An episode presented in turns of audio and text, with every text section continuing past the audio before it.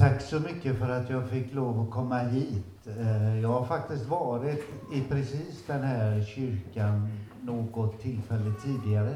Besökt ungdomar som har gått på folkhögskolan här. Jag hade en kvällssamling som också var riktigt, riktigt eh, god. Och där hade jag turen att möta på någon som kunde spela helig mark. Och nu gjorde jag det igen. Tack så mycket. För det, den eh, sången berättar mycket, eller berättar väldigt snabbt eh, mitt liv kan man säga. Ni kommer att få förstå det om en liten stund. Innan jag går in på det som jag egentligen är här för att säga så vill jag säga att det var en oerhört fin bokpresentation.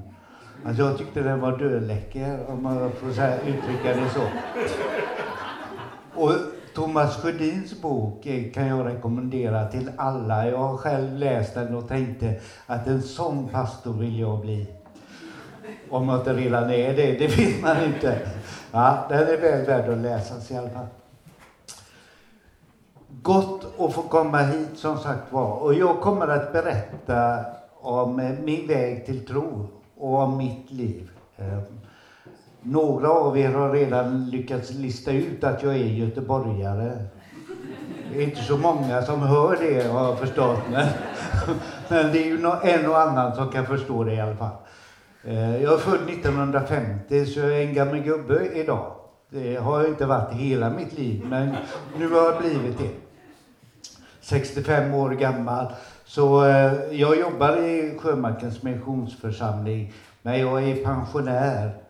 Så jag jobbar i, i, i statens tjänst i, eller hur man nu blir, jag vet inte.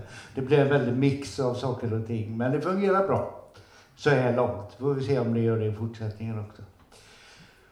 Eh, jag kommer att berätta om, om mig själv och om mitt liv, som sagt var. Och ni får gärna avbryta, ställa frågor under tiden som jag pratar. Det funkar för mig. Och eh, skulle jag komma av mig så beror det väl säkert på att den tråden jag hade inte höll. Så då är det bara bra att få en ny att lyssna i. Så då kör vi på det sättet. Är det också så att, att du hellre vill spara frågorna till sedan så kan du göra det. Det går bra. Jag ska försöka att hålla det så kort så att vi har någon liten stund till eh, samtal och funderingar efteråt. Och jag kommer att stanna en liten stund efteråt också, så det går att fånga upp mig vid kaffebordet eller så. Och eh, ja, vi löser kommunikationen allt eftersom, tänker jag. Jag kommer säkert att använda ett och annat ord också som ni, någon kanske inte känner igen. Och får ni gärna fråga om det med. Det är, jag är inte så noga. Och det är väl därför jag är här kanske. Credo är väl inte så noga, eller? Hur var det med det? Ja. Jag har faktiskt stött på Credo under tiden som jag läste till pastor på Teologiska högskolan. Då hade vi mycket kontakt med Credo. En väldigt god och bra kontakt måste jag säga. Det gav mycket under den stunden. Okej, okay, nu släpper vi alla förbehåll och så kör vi så det ryker. Eller något. Född 1950 som sagt var i eh, Kolltorp av alla ställen. Är man född i Kolltorp så är man göteborgare, helt klart. Gränsen går där någonstans, vi pratade om det förut. Härryda kan vi inte räkna dit, eller Land, Landvetter eller några sådana där utposter. Det är ju lite Norrland över det känner jag. Så det räknar vi inte med. Eh, och eh, född av eh, två föräldrar, märkligt nog eh, en mor och en far. Och, eh, pappa var sotare och mamma var spårvagnskonduktör. Det var på den tiden de ville ta betalt när man åkte spårvagn i Göteborg. Idag går det bra att åka ändå. Jag rekommenderar det dock inte, men det är möjligt. Mamma var en av de första kvinnliga konduktörerna i, i, på Göteborgs spårvägar, vilket hon fick höra ganska mycket från sina arbetskamrater. Det där kan man ju fundera över när vi pratar om jämlikhet och så i dagens samhälle. Det har sett värre ut, även om det inte är bra idag. I vart fall eh, så har jag en bror som är sju år äldre än jag och vi fyra vi bodde i en eh, enrumslägenhet i Karlstad. Den var ungefär så stor som min toalett hemma, eller lite större är den väl. Eh, men som ett vardagsrum kanske. Ungefär så, en eh, 25-30 kvadratmeter, mer var det inte. Och eh, där levde vi alla fyra till dess att jag var tio år gammal. Då flyttade vi upp till Hisingen till eh, ett sånt där miljonprogramsområde som byggdes då. Till en fyrarumslägenhet. Och så sprang vi och letade efter varandra där i några månader tills vi kom underfund med var alla rummen fanns i det våldsamma palatset som vi hade kommit till. Jag tillbringade de första 14 dagarna eller tre veckorna liggande i badkaret. För då hade vi badkar inne, det hade man inte haft tidigare. Vi hade badkar i, i källaren i Karlstad. Eh, och alla vi unga på gården, vi badade klockan tre på lördag. Eh, varje lördag. Det var väldigt ombestyr där på lördagarna. Inte i samma vatten dock, utan man bytte emellan. Och det var nog väl kan jag tänka.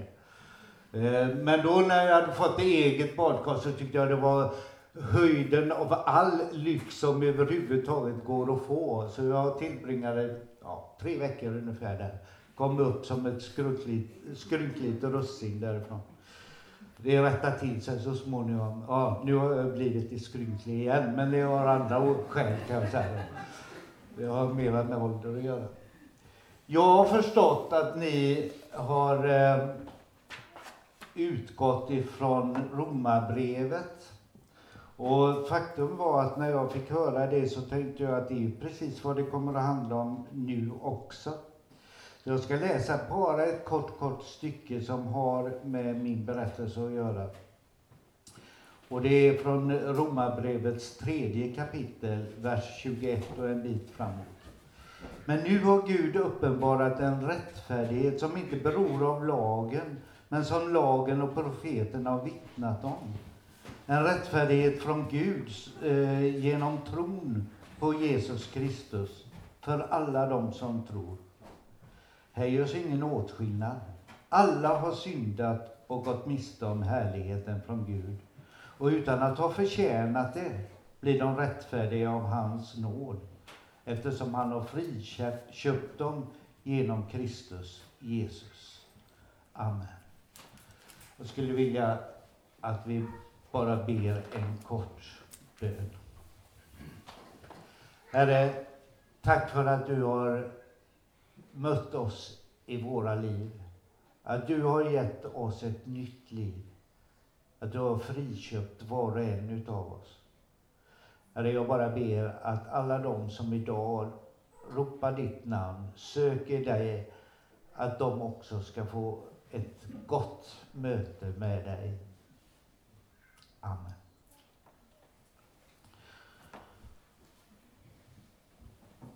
Hissingen då blir man med absolut nödvändighet varvsarbetare. Så är det. Så när jag var 16 år och lämnade grundskolan och inte var något ljushuvud, ja det är ju fortfarande jo lite mera ljus nu, jag är gråare så att det lyser lite tydligare. Men något ljushuvud har jag aldrig varit, så jag fortsatte all, inte in på gymnasiet.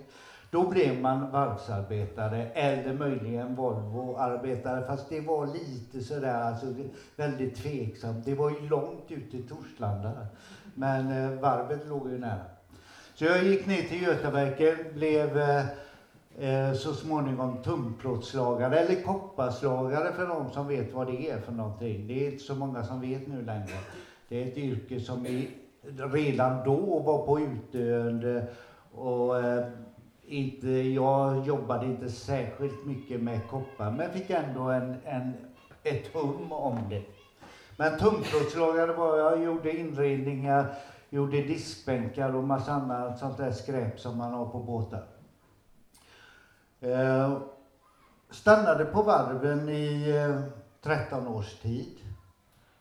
Sen började man ju lägga ner varven och eh, då tog jag min Mats ur skolan om man nu kan säga så.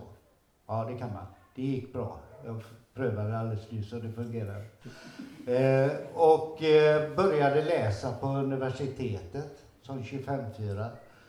Eh, läste eh, beteendevetenskap, kriminologi av alla ämnen man kan läsa. Blev så småningom syokonsulent.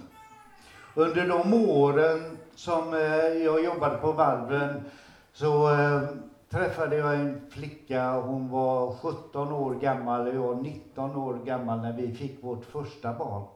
En tös som heter eh, Pernilla. Sen tog det knappt två år så hade vi ytterligare en tös som heter Jenny. Och så gick det en, tre år till och så fick vi då ett riktigt barn, en pojk som heter Jesper.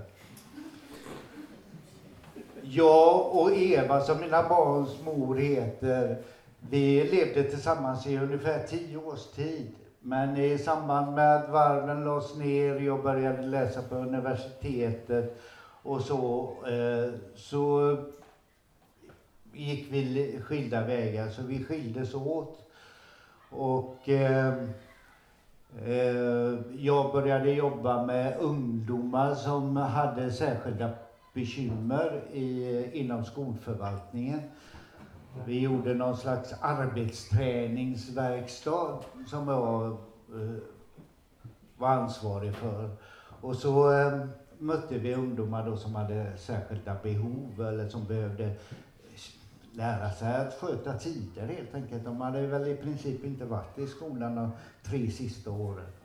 Och så, så skulle man nu då ut i arbetslivet, det är inte så enkelt.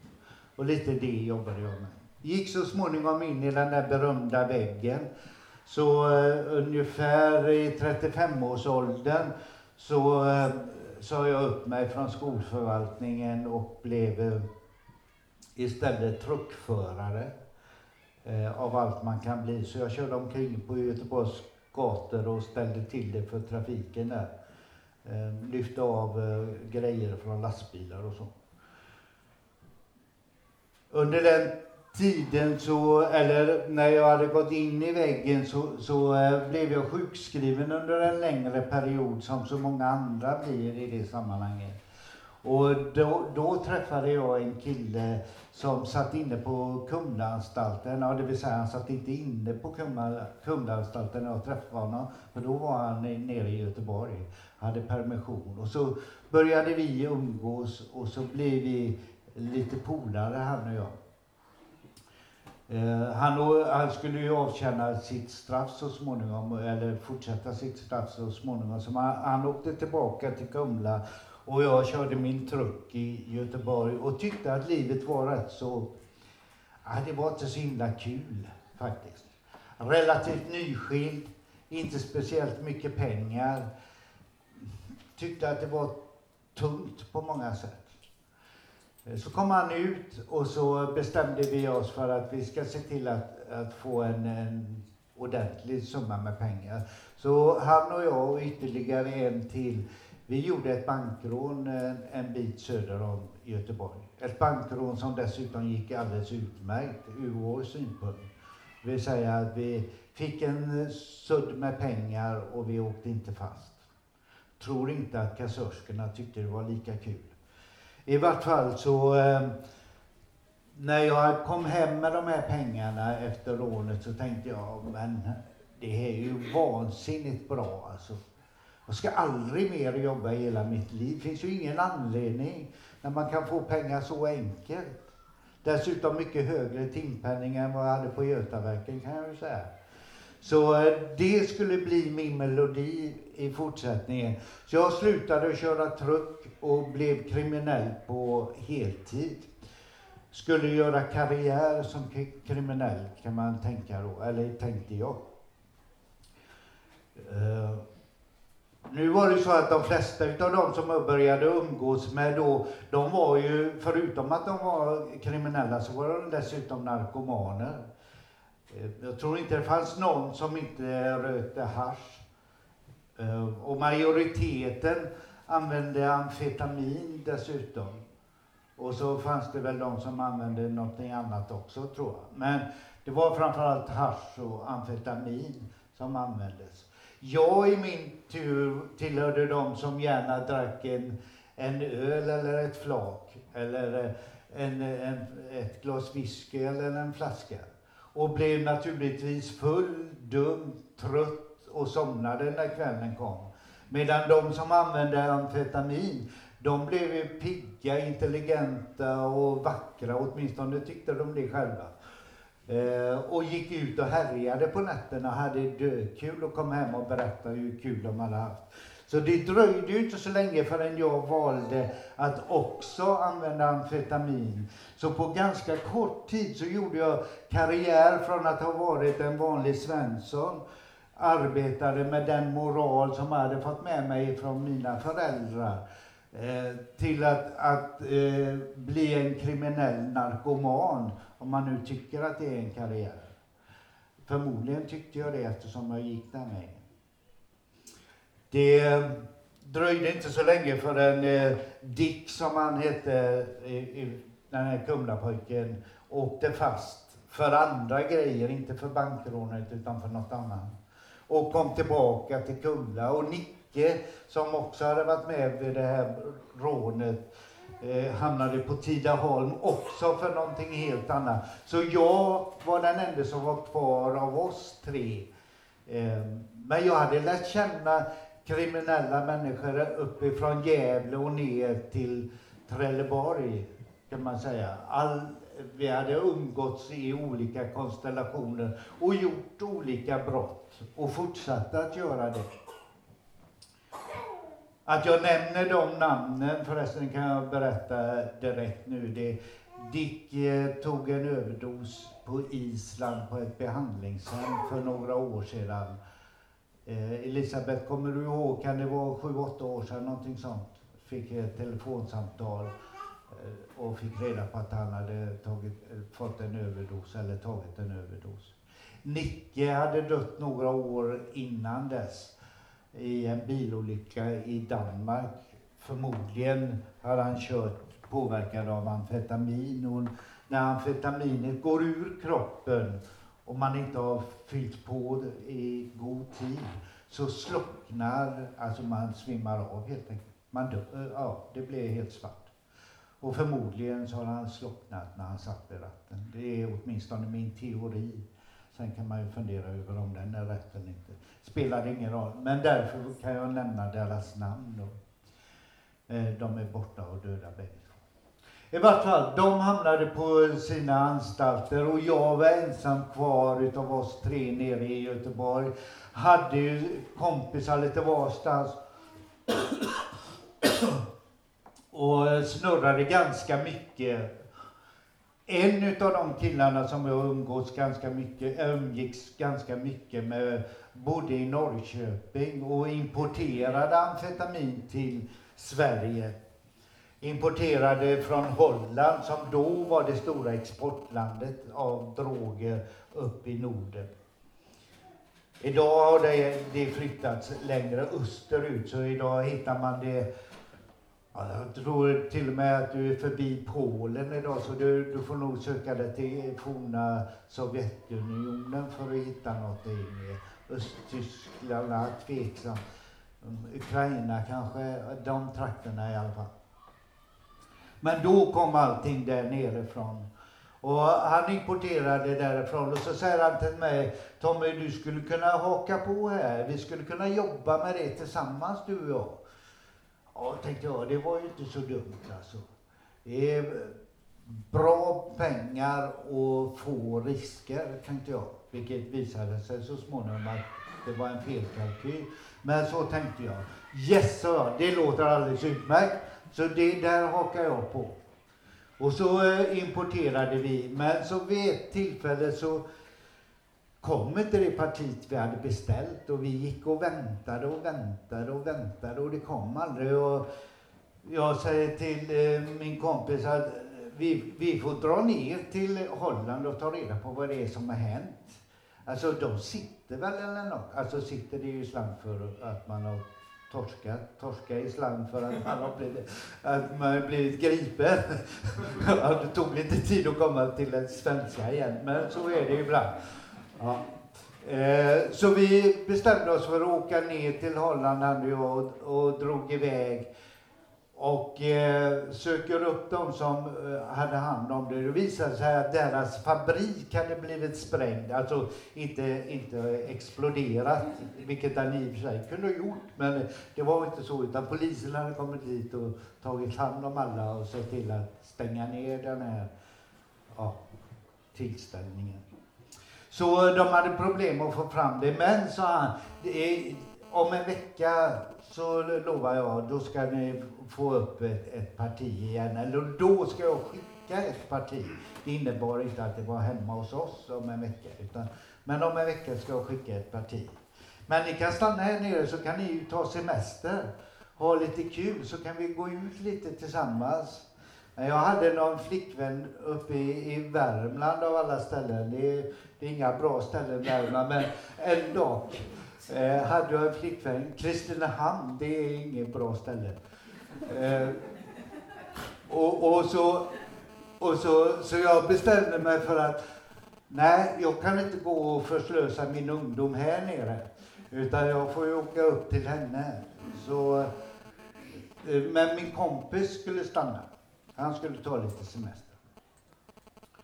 Men jag tänkte, jag kan ju inte åka utan att ha någonting med mig. Alltså jag måste ju tjäna pengar på den här resan. Jag kan ju inte slösa bort allting på hotellrum och mat och massa annat skräp.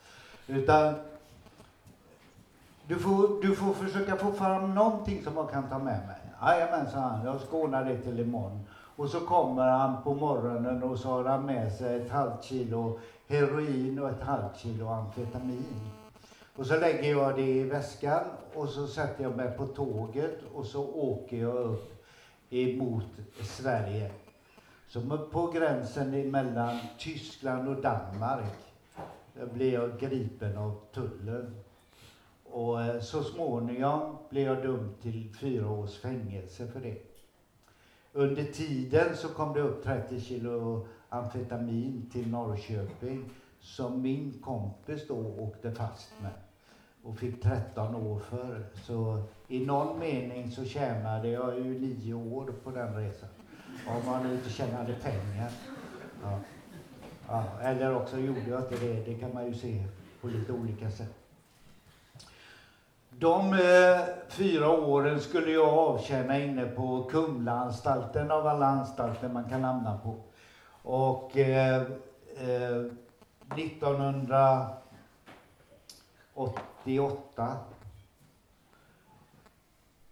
kom jag till Kumlaanstalten i juni, en eh, vacker sommardag. Eh, och jag hade aldrig suttit på kåken. Och, men jag hade ju sett en och annan amerikansk eh, fängelsefilm. Så lite försiktig var man när man klev in där kan jag ju säga. Eller, jag visste ju att det inte var likadant som i, i fängelsefilmerna, men ändå lite osäker var jag, måste jag erkänna. Och kommer upp på en avdelning där eh, de flesta kände varandra, eller alla kände varandra. Så det, det är ju sanningen om det. Och eh, efter en stund, så några timmar, så fick vi gå ut på gården och få rast, om man säger så. Och så går jag ut på gården och solen lyser och jag ställer mig emot väggen. Lite nonchalant sådär, för man får ju inte visa att benen skakar. Så det gäller att luta sig så man inte ramlar ihop i en våt fläck någonstans. Och så eh, tänker jag få kolla in vad det är för folk och se så att jag kan hantera det här kommer det en kille gående en bit ifrån och han kommer med ganska bestämda steg emot mig. En stor, eh, kraftig pojke, ungefär i min eh, ja, size. Eller kanske något större. Uh, han har nog tränat någon timme mer än jag. I vart fall så kommer han gående och med sin, den här vanliga kriminella stilen. Och, och han, han tittar mig rakt in i ögonen och jag tänker, nu sjutton, nu är det någon skit på gång här alltså. Nu får man se upp. Och jag tänkte direkt ut en strategi för hur jag skulle sänka honom, vilket jag är helt övertygad om att jag aldrig hade klarat av. Men ändå, något måste man ju tänka på medan man väntar på att få stryk. Så eh, jag reser mig i alla fall från väggen så och, och liksom försöker göra mig åtminstone mentalt beredd om man nu inte klarar det fysiskt. Eh, och så kommer han fram och så är han bara någon meter ifrån men när han sträcker fram handen så säger han Tjena Tommy, välkommen in på Kumlaanstalten. Då är det en kompis till en kompis som har fått ett brev ifrån de som var kvar på utsidan och där de har skrivit att nu är Tommy på väg in på kåken. Han har aldrig suttit. Du måste ta hand om honom. Och sen fick jag en, en dödspolare där eh, i den stunden. Och vi umgicks under stort sett hela tiden jag satt på Kumla sen. Han lärde mig allt vad man behöver lära sig på kåken. Ni vet, och jag vet, att i varje eh, gruppsammanhang man befinner sig i så finns det någon slags kultur. Någon slags, någonting som skiljer oss ifrån andra. Eller någon, någon eh, terminologi eller vad det nu kan vara. Det kan vara morallagar, det kan vara nästan vad som helst. Men någonting finns i varje grupp som svetsar samman. Och så är det på kåken också. De reglerna som gäller där inne är tuffare i många lägen än de som är på utsidan. Då kan man ju fundera över varför folk blir kriminella när de avsvär sig samhällets lagar men går in under lagar som är ännu svårare att hantera. Jag tänker på det ibland när jag möter sådana som är med i olika gäng, för gängen har speciella och ganska tuffa lagar. I vart fall, han berättade för mig allt det jag behövde veta och lotsade mig in i det systemet så jag inte skulle trampa allt för många på tårna. Nu finns det ju en hierarki också inom eh, kriminalitet, också inne på en kåk.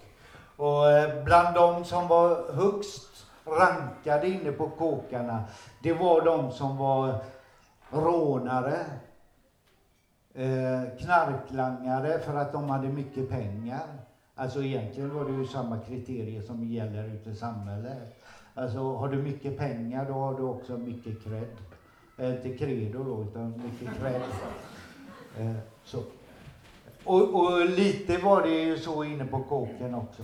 Det fanns andra som, som också var högt dansade. Jag hade, var rånare, det visste alla. Eller inte alla, men de flesta. Eh, och jag var knarklangare och sysslade med stora affärer. Eh, och hade gott om pengar, visste alla. De visste mer än jag. Eh, så därför var jag eh, hyfsat hyfsat välsedd inne på kåken. Nu blev jag ju inte kriminell för att jag tyckte det var så himla bra att jobba. Utan egentligen för att jag aldrig mer skulle jobba. Inne på svenska anstalter så har man arbetsplikt. Eh, antingen så får man gå i skola eller också så får man jobba med någonting. Det var de två valen man hade. Och inne på Kumlaanstalten så hade vi tre möjliga arbetsområden. Man kunde antingen stå och tillverka träleksaker av olika slag. Eh, eller så kunde man, kunde man eh, leka med papper, alltså göra kartonger, pizzakartonger. De flesta av er har mött på någon sån någon gång i livet. Eh, inte helt omöjligt att den kommer ifrån kronan. Och så det tredje alternativet var att man sysslade med plåt. Och som plåtslagare så tyckte jag det var alldeles lysande att de hade plåtslageri, bara det att jag ville inte vara där. Eh, jag blev placerad där dock och fick stansa hål i plåt eh, åtta timmar om dagen. Hur kul det nu kan vara på en skala. Det dröjde inte så länge förrän jag insåg att det här ska jag inte fortsätta med. Så eh, jag vägrade gå till jobbet. Eller ja, jobbet och jobbet. Jag vägrade gå ner till verkstaden. Jag vägrade dessutom att lämna urinprov för det hade jag fått lära mig utav min polare att det gör man bara om man får något positivt i andra ändan. Typ att man ska gå på en permission eller någonting. Men det var inte aktuellt för mig när jag hade kommit dit. Det dröjde, var långt dit så kärringar och pekade på månen innan jag skulle få komma ut på någon permission. Så eh, jag vägrade att lämna urinprov också. Då blev jag snabbt placerad på eh, eh, en specialavdelning eh, där man placerar folk som jag. eh, och eh, hamnade där uppe och det var en bra avdelning. Där hade man tre, tre möjligheter också till någon form av sysselsättning. Nu var det inte fråga om arbete längre, utan nu var det arbetsträning. Så helt plötsligt så blev jag den som tog emot arbetsträning istället för att vara den som ger det. Det är lite spännande. Man får olika perspektiv i tillvaron. I vart fall så hade de tre möjliga saker man kunde göra. Man kunde stå och svarva lite skålar i trä om man ville. Eller man kunde eh, väva en sån där, eh, ja, du vet en sån där som man lägger på bordet. Löpare heter det. Varför heter det löpare när de ligger still på bordet? Det kan man ju fundera över. I vart fall. Eh, och det tredje alternativet det var att leka med lera, alltså keramik. Eh, syssla med keramik. Och det passade mig just den verksamheten. Att eh, göra lite vad man själv ville och ja, bara sysselsätta sig för att få dagen att gå. Det passar mig alldeles utmärkt. Så jag trivdes där uppe. Nu var det lite restriktioner när man var på den avdelningen.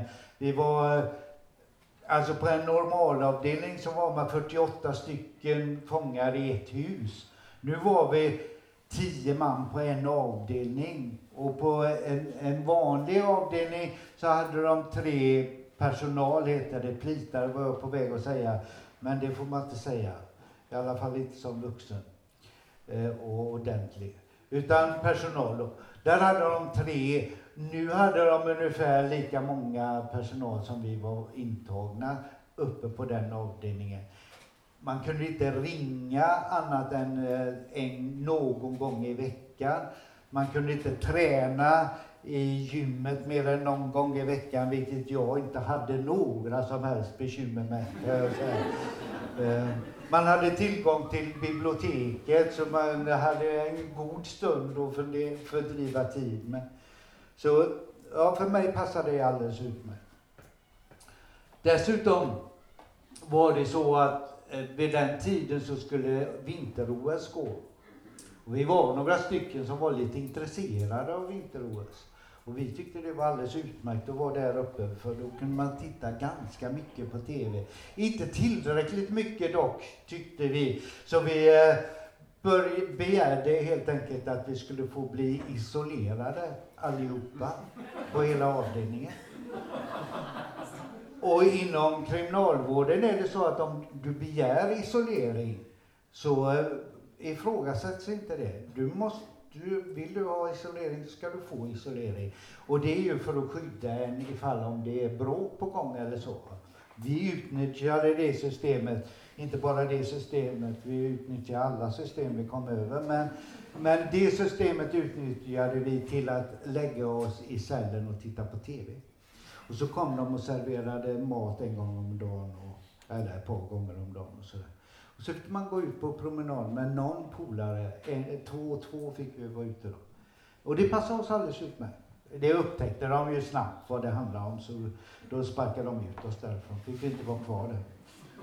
Helt plötsligt så var vi eh, anpassade eller något. Inte vet jag vad de tänkte. I alla fall åkte vi iväg ut.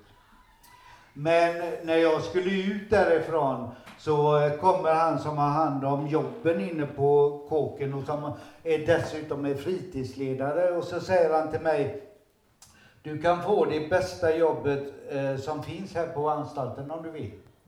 Yes, tänkte jag, äntligen! Nu, nu har du verkligen gjort lyftet här Holmberg. Ehm, ja, sa jag, det vill jag ha. Ja, sa han, ta det lugnt, ta det lugnt. Eh, du vet inte vad det innebär? Nej, det vet jag inte, men jag antar att det är något bra då. Ja, jo, du ska ta hand om eh, kåkradion. Inne på Kumla så fick man, gjorde man en kåkradio, alltså man gjorde små program, radioprogram, som eh, sedan eh, sändes i, i internradion in till varje cell. Sällsamt intressanta program, tyckte vi. Så vi lyssnade mycket noga på dem. Eh, I vart fall skulle jag få ta hand om det. Men, sa han, bekymret är att du måste serva pastorn med kaffe. Alltså vi hade en fängelsepräst, en pastor ifrån eh, Pingstkyrkan. Ni förstår ju själva hur det blir med sånt. Det är ju Thomas Sjödin och han, jag menar, det kan ju inte bli något bra av det. I vart fall, eh, och, och de visste, alla visste att jag var ateist. För det hade jag varit tydlig med. Jag hade inte gått på några andakter som man hade där inne och sådär, eh, utan, och inte deltagit i någonting sånt. Och du som ateist, sa han till mig, eh, du kanske inte vill vara med om detta? Alltså, tänkte jag, det spelar ju inte så stor roll, jag kan ge honom lite fika under dagen. Alltså jag tänker inte bli kristen för det, även om det är mycket böner inblandat i det här med att koka kaffe. Så skitsamma, jag kan vara med om det. Så jag tackade ja till det jobbet, vilket innebar att jag fick vara i en studio som låg vägg i vägg med kyrkan inne på Kumlaanstalten. Jag tror att Kumlaanstalten är nog den kyrktätaste plats på hela jorden. Jag tror så. Alltså idag har man, jag har varit där och besökt efteråt, och idag har man två kyrkor, eller kyrksalar, om man uttrycker det på det viset, och ett kloster där inne. Och det är, vad kan det vara, 200 fångar, någonting sånt, 300 kanske. Det är rätt tätt, om man tänker så. Ja, det var inte fullt så tätt på den tiden, men eh, ändå. Jag kom alldeles tätt in till kyrksalen där. Och Olle Eriksson, som han heter, som var eh, pastor eller fängelsepräst på den tiden. Han och jag, vi fikade rätt ofta ihop och satt och tjatade om allt möjligt. Egentligen om livets väsentligheter, nämligen hur det gick för änglarna och, och, och eh, Frölunda och sådär. Det är ju viktigt att hålla koll på tillvaron och så. Eh, vi pratade dock aldrig om Gud och aldrig om Jesus. Och det tror jag var någon slags vishet som han hade. För han visste ju att jag var ateist så han tänkte skitsamma, det överlåter vi åt någon som kan bättre än jag. Och så, så, slutade, så pratade han inte om det. Ändå så blev jag lite smått nyfiken under den tiden. Därför att han var generös med, med både sig själv och sin tro och sin kyrka. Han upplät kyrksalen till eh, fyra stycken muslimer vid ett tillfälle. Och så lämnade han dem inne i kyrksalen, går in till mig och fikar och så sitter vi och snackar och så säger jag, men Olle, hur vågar du lämna fyra muslimer in i din kyrksal? Du vet ju inte vad de gör där inne. De kan ju be till Allah och allt möjligt konstigt. Inte vet du? Alltså Olle, om inte min tro bär längre än så, då är den inte mycket att ha. Och de orden, de fastnade i mitt huvud, i bakhuvudet. Så mycket så att jag bär dem med mig än idag. Och jag minns det som, som vore det igår, hur vi satt inne i studion och han sa de här orden. Han hade dessutom eh, andakter en gång i veckan när alla var, kunde gå dit och lyssna. Jag hade ju inte gjort det tidigare som ateist naturligtvis. Men eftersom jag nu var tvungen att serva med kaffe på de här mötena så tänkte jag att jag får stanna då och käka någon bulle också så jag får något ut av den här eh, dagen. Ja. Eh, och så hörde jag hans eh, andakter. Och det var andakter, mina vänner, andakter som ja, svårt att eh, se någon annan göra. Ja, möjligen Thomas Sjödin då. Ja, men jag, och det menar jag med allvar, för att han har verkligen förmågan att prata om livet som livet är. Och det gjorde, gjorde Olle också. Han berättade sitt, alltså, glimtar ur sitt liv. Men det var glimtar som sa någonting också om mitt liv. Och helt plötsligt så började jag liksom lyssna på vad är det för, för någonting han tjatar om. Och så blev jag lite, lite mer intresserad. Nu blev jag ju inte kristen ändå, för det hade jag ju bestämt mig för redan i början att det ska jag inte bli. Så jag lämnade epoken där 1990, en Lucia-morgon när det hade snöat eh, för första gången den säsongen. Och det låg ett ganska tjockt eh, snötäcke när jag kom ut utanför murarna. Och ni vet, det var som om luften var lite lättare att andas när man kommer utanför där. Det är den ju inte, det är ju samma luft överallt. Men, men det kändes ju så. Och alla ljud var så där dova som de blir när den första snön kommer. Och man hör bilarna men de nästan bara susar fram. Och eh, det singlar någon flinga i luften fortfarande. Lagom kallt. Eh, och så friskt och så. Och så går jag ut och så ställer jag mig och så väntar jag på en taxi som ska komma och hämta mig, köra mig till Hallsberg så jag kan ta tåget ner till Göteborg. På den tiden, 1990, måste skaffa lite saliv också. Eh, då då eh, eh, var det så vist inordnat i Sverige så eh, man kunde vara full klockan eh, kvart över nio på morgonen för bolaget öppnade klockan nio på den tiden. Jag hängde på låset. Så när de öppnade så gick jag in, köpte ett gäng öl, en flaska whisky, äntrar tåget, eh, glad i hågen och ännu gladare efter eh, 10-15 minuter och så småningom, inte speciellt glad, raglade jag av tåget ner i Göteborg. Um, bra packad. Får tag på en taxi som kör mig till en knarkarkvart på Hisingen. Fattar inte att jag eh, fick lov att åka med ens eh, i det tillståndet. Men han körde mig dit i alla fall.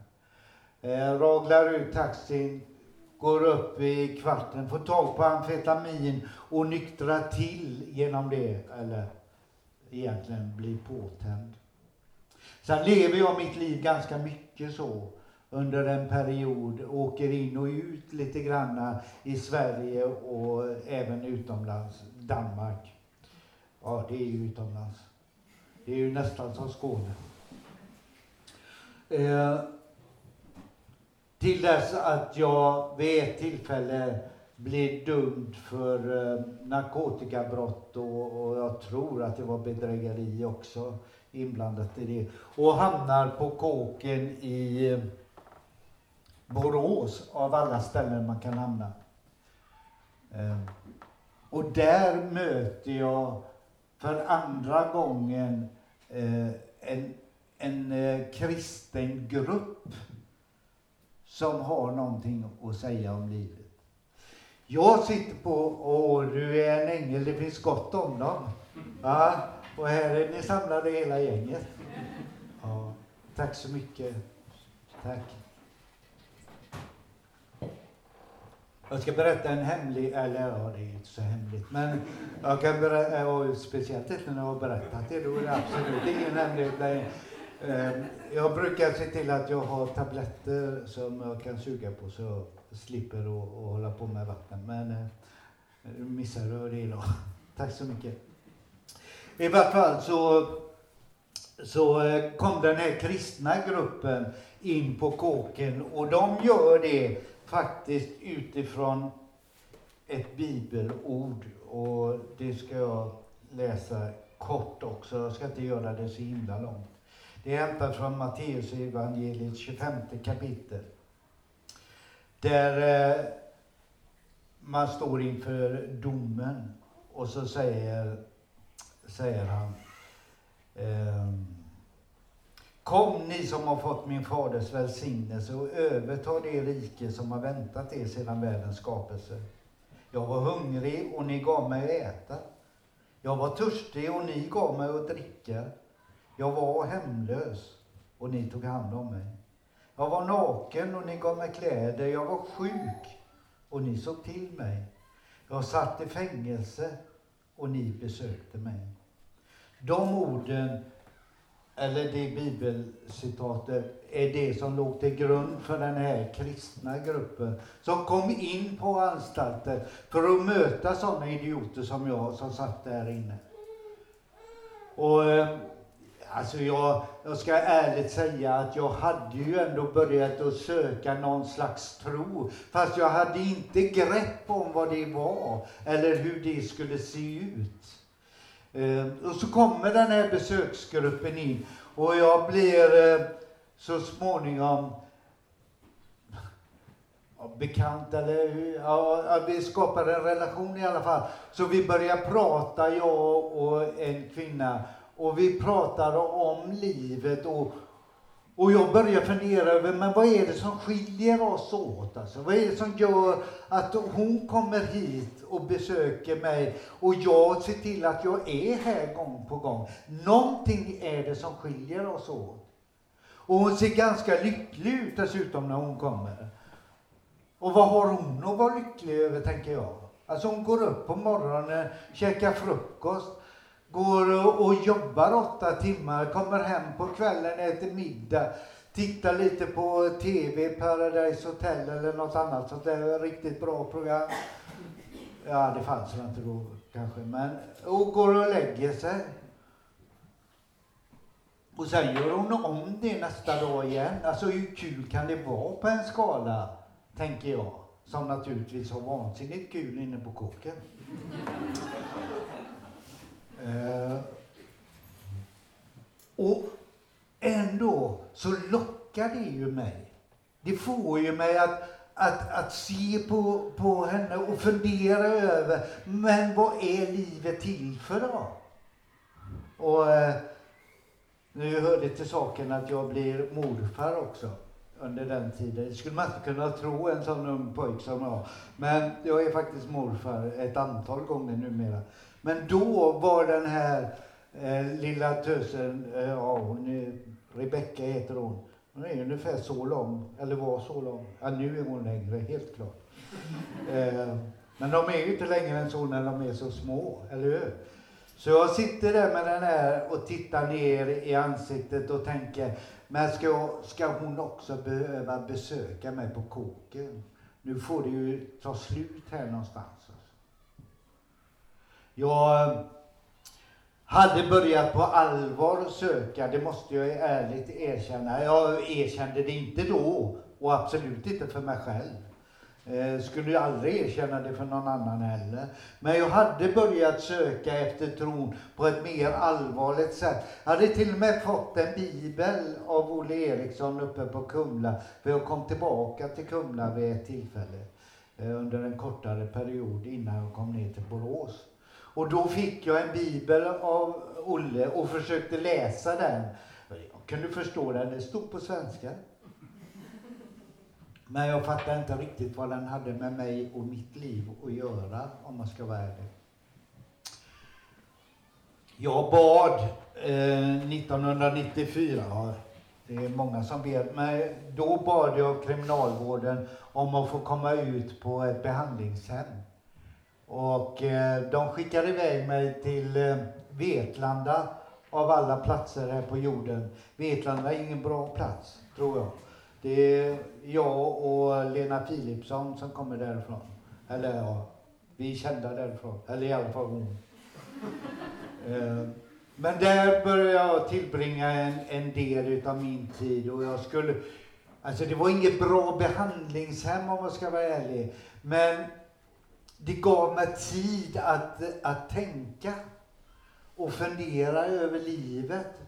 Så var det. Den här besöksgruppen med, med de kom ner och besökte mig där. släppte liksom inte taget om mig. Utan de, de brydde sig också långt där nere i, i utkanten av världen. Och eh, ah, samtalen fortsatte på något sätt. Jag hade fått möjlighet att gå ut på gudstjänsterna gudstjänsten när jag var inne på kåken. Idag är det nästan omöjligt, men på den tiden var det ganska generöst med det. Så jag gick till Sjömarkens missionskyrka. De kom och hämtade mig därifrån och så fick jag gå till Sjömarkens missionskyrka.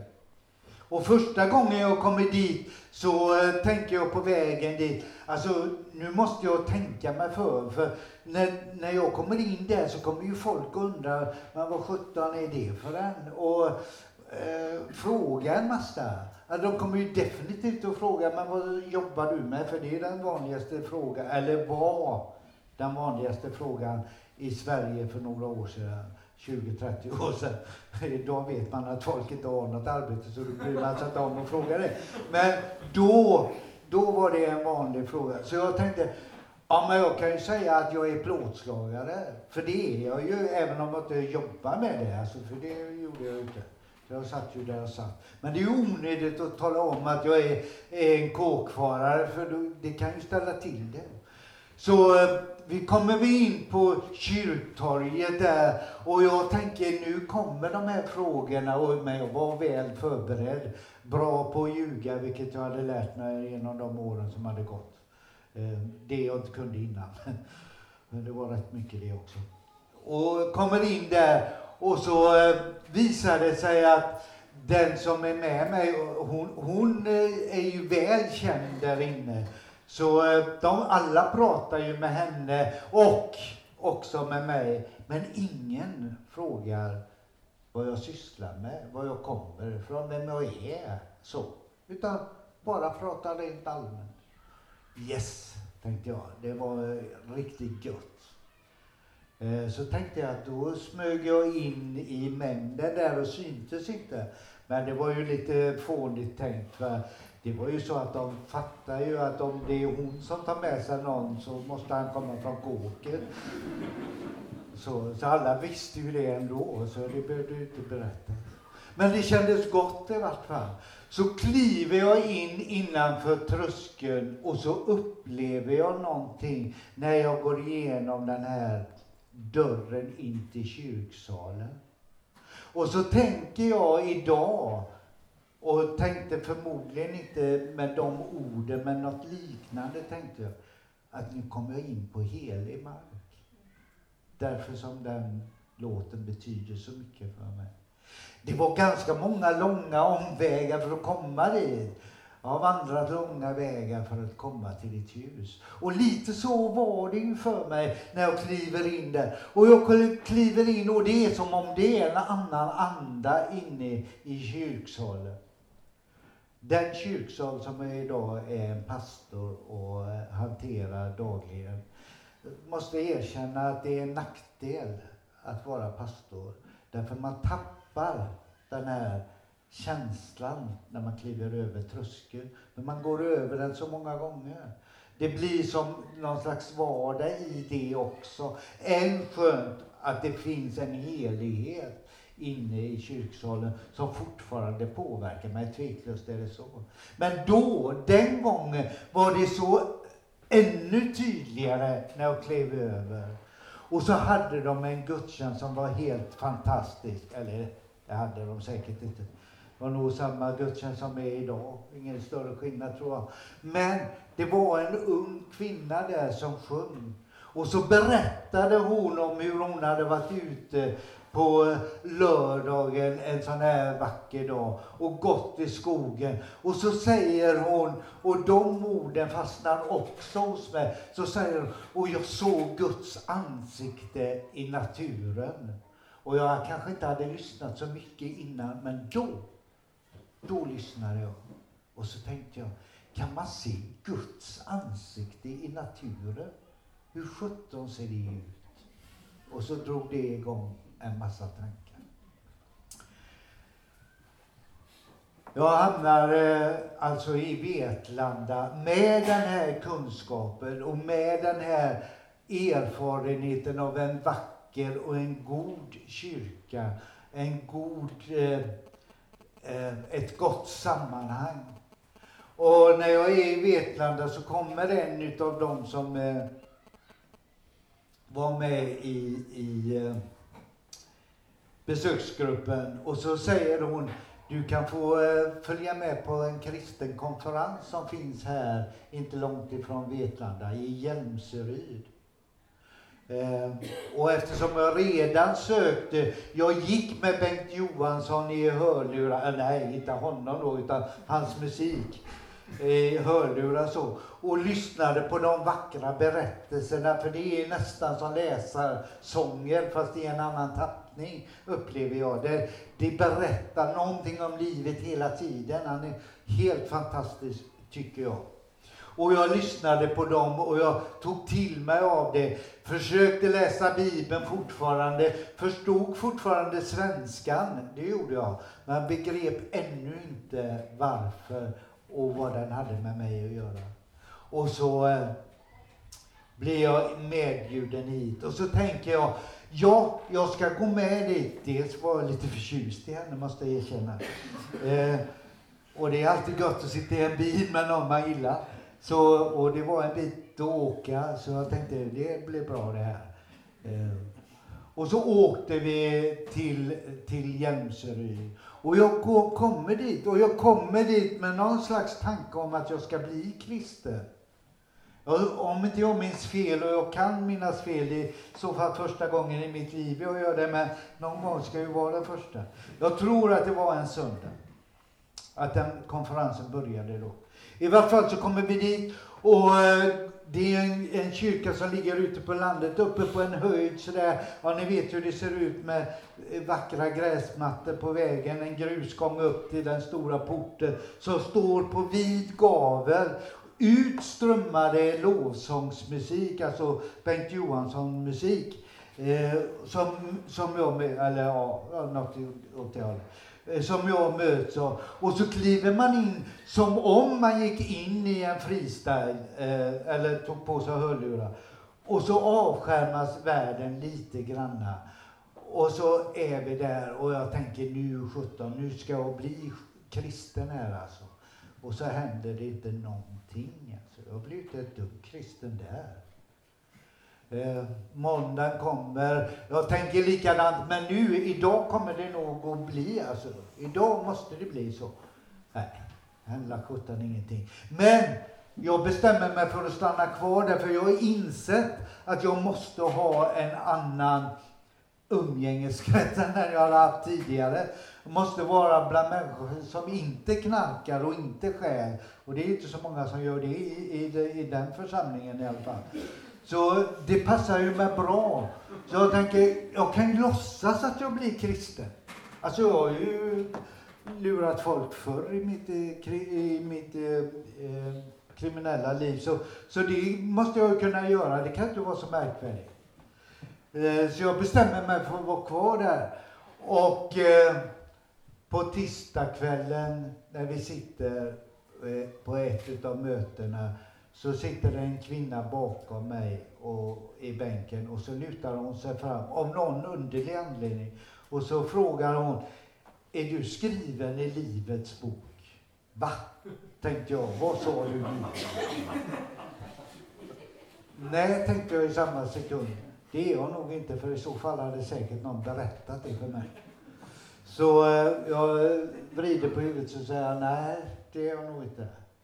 Kan inte jag och hon som sitter bredvid dig få be för dig då? Jo, det kan du få. Och så lägger de händerna på mig sådär apostoliskt vackert. Ja, det är vackert, tycker jag. Eh, och så ber de för mig. Och då, då är det som om någonting händer i kroppen. Och jag ska väl inte beskriva det, för det tror jag att vi har olika erfarenheter av. Men lite snabbt kan jag känna att det, det, det var som om tiden stod still. Eh, eller gick väldigt fort. Ja, egentligen vet jag inte det. Alltså någonting hände med tiden, så kan jag säga. Eh, och i samma stund så tänkte jag, nu blev det nog 17 kristen i alla fall. Fast det blev jag inte. Faktiskt inte. För några månader, ett år innan, så hade jag gått ner på knä i cellen och bett till Gud. Ungefär så här. Jesus, om du nu finns så blir jag inte så där fruktansvärt förbannad om du visar dig nu. Det gjorde han ju inte, tyckte jag.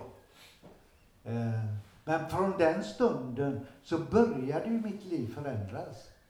Så det var ju egentligen då jag blev kristen. Men här på Hjälmseryd, där fick jag någon slags bekräftelse på det. En del är ju trögfattade, jag tillhör dem. Så det behövdes väl att få ytterligare en påminnelse om att jag har friköpt dig, som det stod i Romarbrevet som jag läste förut. Du är rättfärdiggjord genom mig. Jag är, blir sådär så att jag inte riktigt vet vad jag är eller vad det är som har skett så. På kvällen sitter vi och dricker te, ja inte jag för jag dricker inte sånt. Eh, utan jag drack väl kaffe som normala människor gör. Men de andra drack te, eller några av dem i alla fall. Och vid det stora bordet där vi satt så sitter en kvinna och tittar på mig så säger hon, det har hänt någonting med dig ikväll. Ja, kanske det, säger jag. Lite nonchalant sådär. Eh, för jag var inte riktigt säker. Men som ni förstår så tog livet en annan vändning. Jag eh, hamnade i Borås så småningom. Eh, får ett jobb också i Borås, blir resemontör. Jobbar med det en fem, sex år. Eh, gifte mig med den kvinnan som eh, hade skjutsat mig till Hjälmseryd. Vi blev ett konstigt par där av någon underlig anledning. Och eh, ja, en del kvinnor har stort tålamod kan man säga. Hon tillhör en utav dem. I vart fall så, så eh, kommer jag till Borås och jobbar som resemontör och efter ett tag så känner jag ganska tydligt en kallelse, eh, bland annat genom en dröm eh, och eh, blir uppmanad av folk att börja läsa till pastor och jag tänker ju i mitt stilla sinne, det kan jag ju göra men det är ju meningslöst. Vem vill ha en gammal narkoman och kriminell som pastor i en kyrka? Alltså nu får du ge dig, det är klart att det inte blir någonting med det. Eh, men jag går ändå in. Blir eh, av någon anledning så, så blev jag kallad till Myroskyrkan i Brämhult för att ha ungefär det här föredraget, fast hemskt mycket kortare för det var ju en gudstjänst, ni vet. Får man fem minuter då så är det ju rätt bra. Eh, man kan inte utveckla för mycket, men eh, berätta lite grann om min väg till tro i den gudstjänsten. Och jag säger till Elisabeth, som då var min hustru, att, och jag hade ju börjat läsa till pastor, jag sa, här skulle jag kunna blivit pastor alltså. Men de hade en relativt nyanställd kille där, relativt ung också. Så jag tänkte, men det blir ju ingenting med det, det förstår man ju. Han är ju alldeles ny här och han kommer ju vara kvar långt efter det att jag är färdig. När, eh, efter ett tag så lämnar han den församlingen. Och så blir jag kallad att ha, ha ja, predikningar där. Och så småningom kallad till att vara pastor i den församlingen som jag eh, hade känt en sån eh, varm känsla i. Jobbade där i 13 år från 2002 och fram till nu i juni 2015. Jag blev också under tiden eh, fängelsepräst inne på Boråskåken och har gått bland de killarna. Gud har humor, måste jag säga. Ja, det fattade ni ju redan när ni förstod att jag skulle bli pastor. Men att placera mig inne på kåken med en nyckel, det kan man fundera över. Men, men så var det. Så det gick jag några år bland mina gamla polare. Eh, numera är jag pensionerad som pastor ifrån Myroskyrka. Men då öppnar han nya vägar. då får jag 20 procent eh, att predika i, i sjömarken och känner att det fungerar alldeles utmärkt för mig. Det var ganska kort, eller det var det inte alls, det var en lång berättelse. Men berättelsen om mitt liv. Nu tänker jag eh, lämna lite tid, eh, typ två och en halv minut, till frågor och svar. Ja. Eller hur lång tid vi behöver. Och sen ska vi få sjunga en gång till. Jamen. Jag undrar, hur reagerar de på fängelset i Borås när du kommer dit som präst? Kände du några det då eller? Ja, jag har stött på en del som jag har eh, varit ute och snurrat ihop med.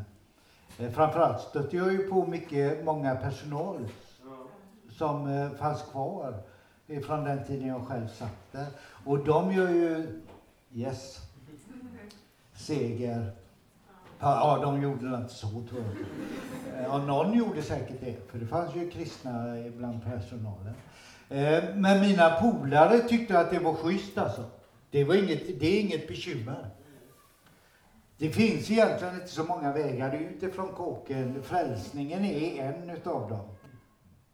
Eh, och det vet alla där inne. De allra flesta vill därifrån. Och de vill därifrån för gott alltså. Så eh, nej, det, var, det var, funkade bra. En parentes är att jag fick ett brev alldeles nyligen från en av mina gamla kompisar från Göteborg. Han sitter nu häktad och skriver till mig och frågar Hur hittade du din tro? Så det finns någon sån längtan också.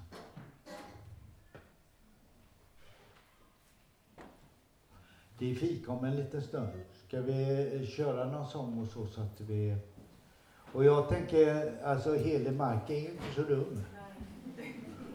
Så vi talar den en gång till då.